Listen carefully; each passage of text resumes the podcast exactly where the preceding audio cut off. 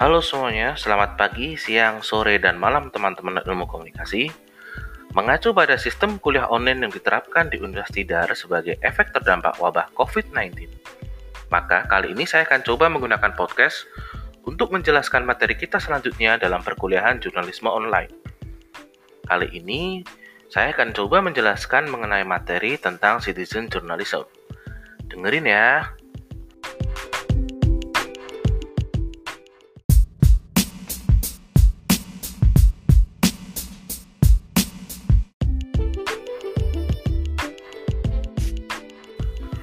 Seperti kita tahu, mengingat pada pertemuan kedua di mana saya menjelaskan mengenai perubahan jurnalistik yang dianalogikan dengan tiga konsep evolusi, maka citizen journalism ini termasuk ke dalam tahap ketiga, yaitu tahap mutasi. Di mana mutasi diartikan sebagai perubahan sepenuhnya konten serta proses jurnalistik dari yang sebelumnya hanya dipegang dan dikuasai oleh wartawan menjadi sesuatu yang bisa dilakukan oleh orang banyak.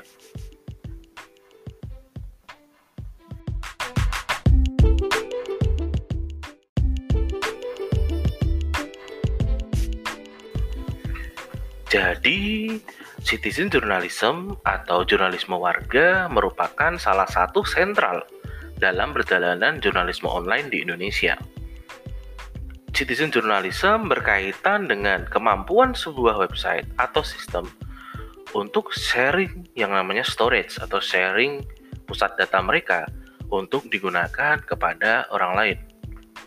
Kalau kita mengingat dalam media morfosis, dalam konvergensi, di situ saya menyebutkan ada yang namanya cloud storage atau cloud computing, di mana uh, sebuah sistem mempunyai sebuah storage-nya mereka sendiri yang berguna untuk menyimpan data-data yang pada kemajuan teknologi pada era setelahnya data-data tersebut atau storage tersebut bisa digunakan dan bisa dimiliki oleh para netizen dengan cara membuat akun di dalamnya.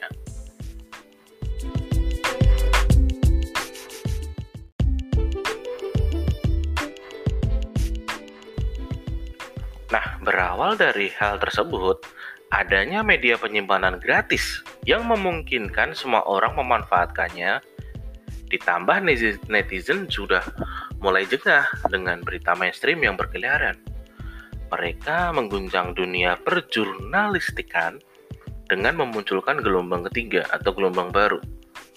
Gelombang yang dikendarai oleh semua orang yang ada di dunia, gelombang di mana itu merupakan sebuah tren masyarakat di mana di dalamnya semua orang bisa jadi wartawan.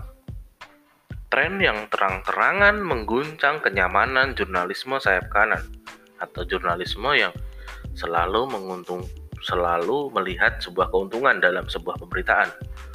Jurnalisme di, yang sebelumnya hanya dikuasai oleh beberapa segelintir orang yang ikut turun dalam dunia politik yang pada endingnya bisa merubah peta pemberitaan sebuah uh, berita atau pemberitaan.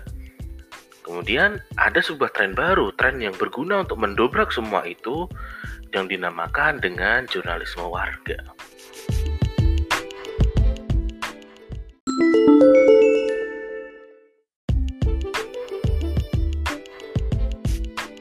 Nah, sebelum kita masuk kepada inti utama yaitu mengenai awal kemunculan jurnalisme warga. eh, teman-teman boleh nyiapin cemilan dulu buat dengerin omongan saya yang mungkin ngalor ngidul ini terkait dengan apa yang dinamakan dengan citizen journalism. Yang pembahasan kali ini akan dimulai dari yang namanya awal kemunculan, kemudian definisi, serta sejarah perjalanan citizen journalism di Indonesia. Oke, siapin dulu cemilannya, kita bikin yang nyaman, bahasanya ngalor ngidul, kita nggak pakai bahasa formal di sini. So, let's go.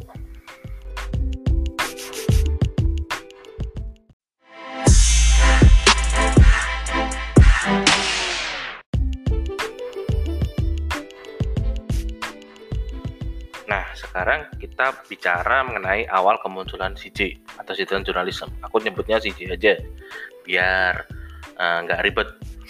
Nah, di sini kemunculan CJ dimulai bahkan saat era printing press, yaitu era di mana media atau uh, media itu masih di print atau masih di press. Contohnya adalah koran, majalah, pamflet, brosur, dan kawan-kawan. Jadi kalau saya boleh cerita, melenceng dikit, santai lah ya. Jur kita, aku mau cerita mengenai yang namanya jurnalisme musik.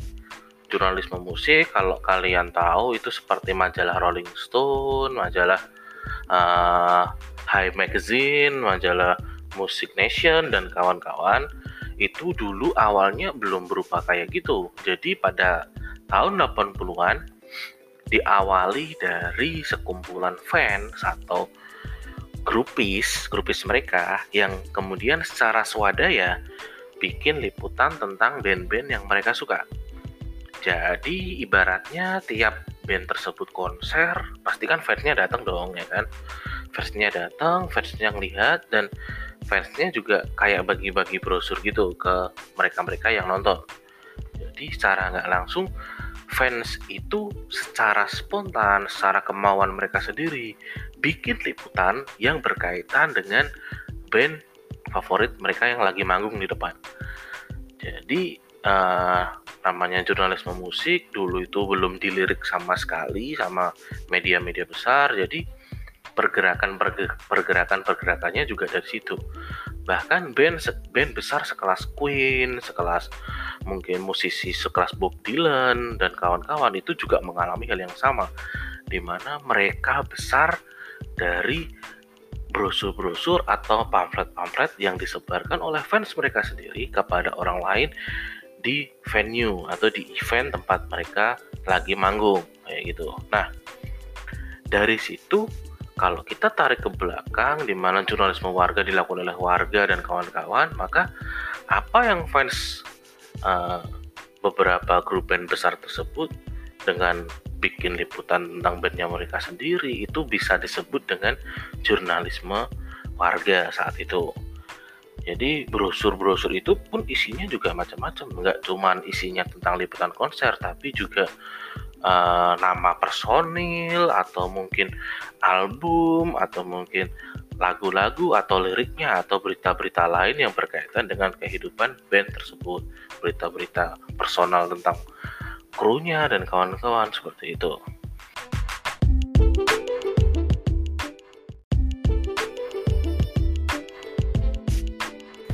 Namun bentuk-bentuk awal jurnalisme seperti yang tadi itu jelas punya batasan. Yang pertama adalah informasi hanya dapat dibagikan kepada sejumlah kecil orang, yaitu ya bisa dibagikan kepada mereka-mereka yang datang di konser.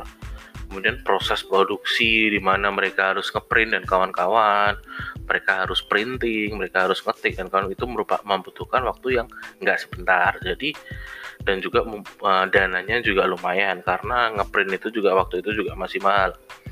Nah, dengan munculnya era web 2.0 di mana sekarang berbagi informasi bisa dilakukan oleh siapa pun, berbagi informasi dengan jutaan netizen di seluruh dunia dalam hitungan detik itu bukan lagi hal yang mustahil. Mana hal tersebut telah menjadi sebuah kemudahan di zaman sekarang ini.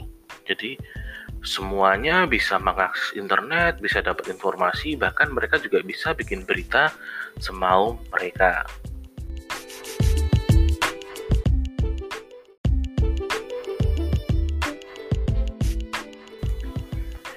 Akibat dari munculnya era web 2.0 membuat jutaan jurnalis dalam tanda kutip non profesional mampu membagikan pengalaman mereka secara online. Pengalaman itu bisa dalam artian apa yang mereka lihat, apa yang mereka saksikan, dan apa yang mereka rasakan.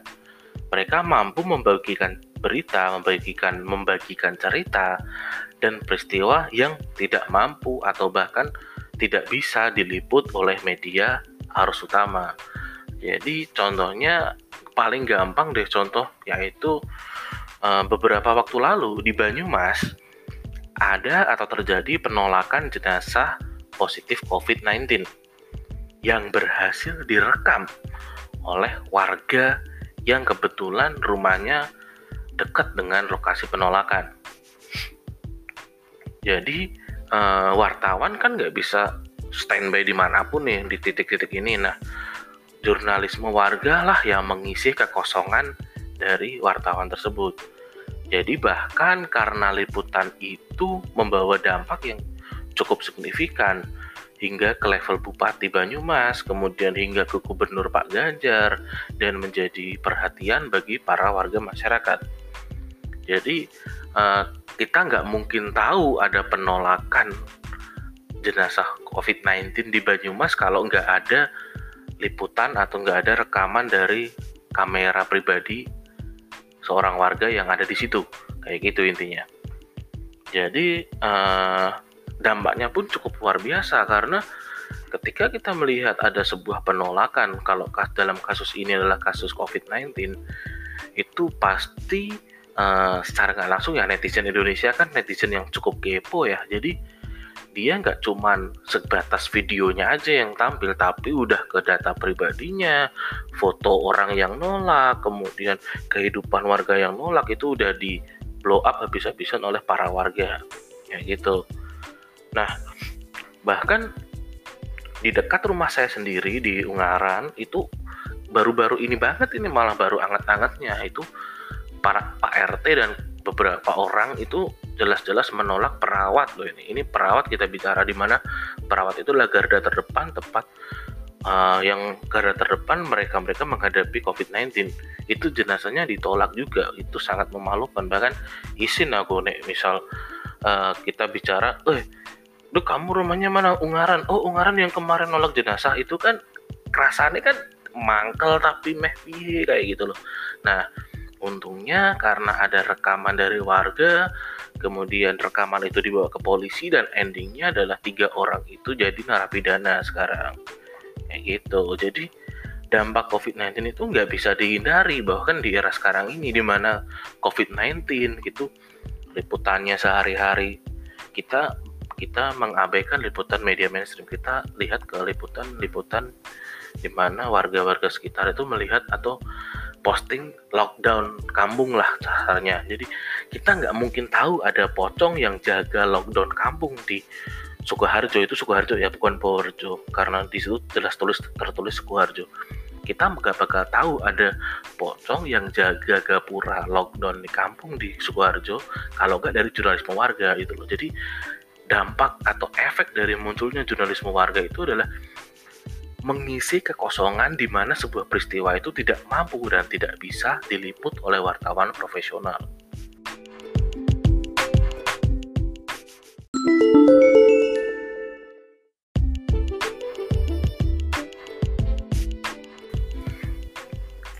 Selain dampak positif dan signifikan yang di, uh, dimiliki oleh citizen journalism, citizen journalism juga dipuji oleh jurnalis dan akademisi karena citizen journalism merupakan bentuk jurnalisme yang lebih transparan dan demokratis. Transparan dan demokratis di sini dimaksudkan adalah tidak ada yang namanya filter isi pemberitaan di meja editorial. Gak ada yang namanya filter pemberitaan yang dilakukan oleh petinggi sebuah institusi media. Jadi apa yang mereka ketik ya apa yang mereka upload. Nggak ada yang namanya eh jangan ketik ini dong nanti nanti merugikan perusahaan kita eh jangan ngetik ini dong. Ntar nggak omset nih beritanya kayak gitu. Jadi nggak ada yang namanya hal-hal seperti itu dalam citizen journalism. Demokratis maksudnya adalah citizen journalism memang subjektif tapi dia bebas nilai. Bebas nilai di sini maksudnya nggak ada yang namanya misal saya posting yang baik-baik tok tentang Ganjar. Pasti saya juga posting hal-hal yang buruk yang merupakan hal yang patut dikritisi tentang uh, gubernur kita Ganjar Pranowo. Kalau uh, di sini saya bicarakan mengenai suara merdeka, suara merdeka itu nggak demokratis walaupun ngomongnya demokratis, mereka tetap mau nggak mau selalu membackup yang namanya PDI Perjuangan. Jadi dalam citizen journalism nggak ada hal-hal kayak gitu. Mereka selalu memberitakan secara transparan dan demokratis baik yang dibilang baik, jelek yang dibilang jelek, seperti itu. Mereka tidak terikat oleh kepentingan apa pun, mereka hanya ingin menginformasikan sesuatu dan juga memberitahu orang lain. Jadi tapi yang namanya netizen ya ya kan ada yang julid nih. Kayak presenter senior BBC mereka dia ngomong bahwa kalau citizen journalism itu cuma jurnalis main-main dia cuma berlagak sebagai wartawan aja dia atau uh, presenter ini bilang bahwa citizen journalism itu nggak punya skill. Dia nggak ikut pelatihan dan sertifikat. Jadi nggak bisa disebut uh, journalism. Yang paling cocok mereka itu ya cuma disebut citizen aja kayak gitu loh. Jadi bagi mereka atau bagi mereka itu adalah geng. Ya teman-teman saat gengi presenter BBC itu mereka menganggap bahwa citizen journalism itu hanya hanya citizen biasa mereka uh, mereka cuma citizen citizen biasa yang kebetulan punya handphone dan memiliki akses internet jadi memang ada orang-orang yang menganggap bahwa citizen journalism ki ra iso wartawan, Bro. Citizen journalism yo dasarnya warga yang kebetulan dua handphone, handphone iso nggo ngerekam, jur dua akses internet kayak gitu doang. Jadi uh, itu masih menjadi polemik sampai saat ini di mana wartawan memang ada yang menganggap citizen journalism atau produk citizen journalism itu bukan produk jurnalisme gitu.